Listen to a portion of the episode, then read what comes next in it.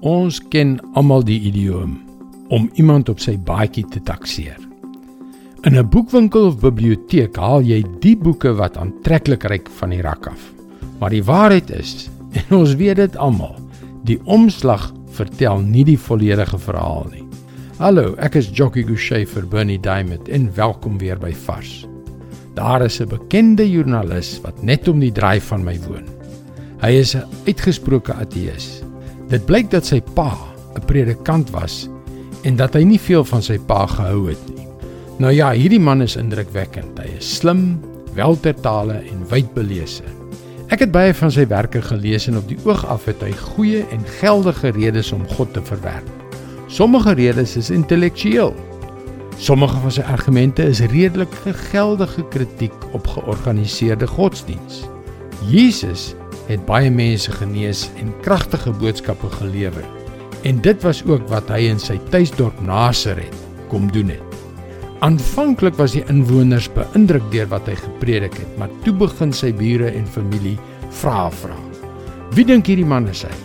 Is dit nie die kind van Josef en Maria nie? Jaag hom weg.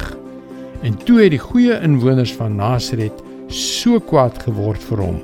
En in Lukas 4 vers 29 staan: Hulle het opgespring en hom uit die dorp gedryf. En hulle het hom geneem tot op die rand van die berg waarop hulle dorp gebou was om hom daar af te gooi.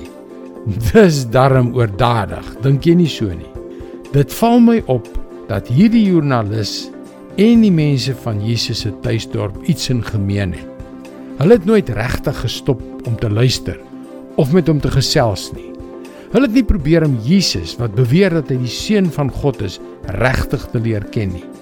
Soveel mense is gretig om Jesus te verwerp. Hulle vorm opinies sonder om ooit te ontdek wie hy is en of hy regtig bestaan.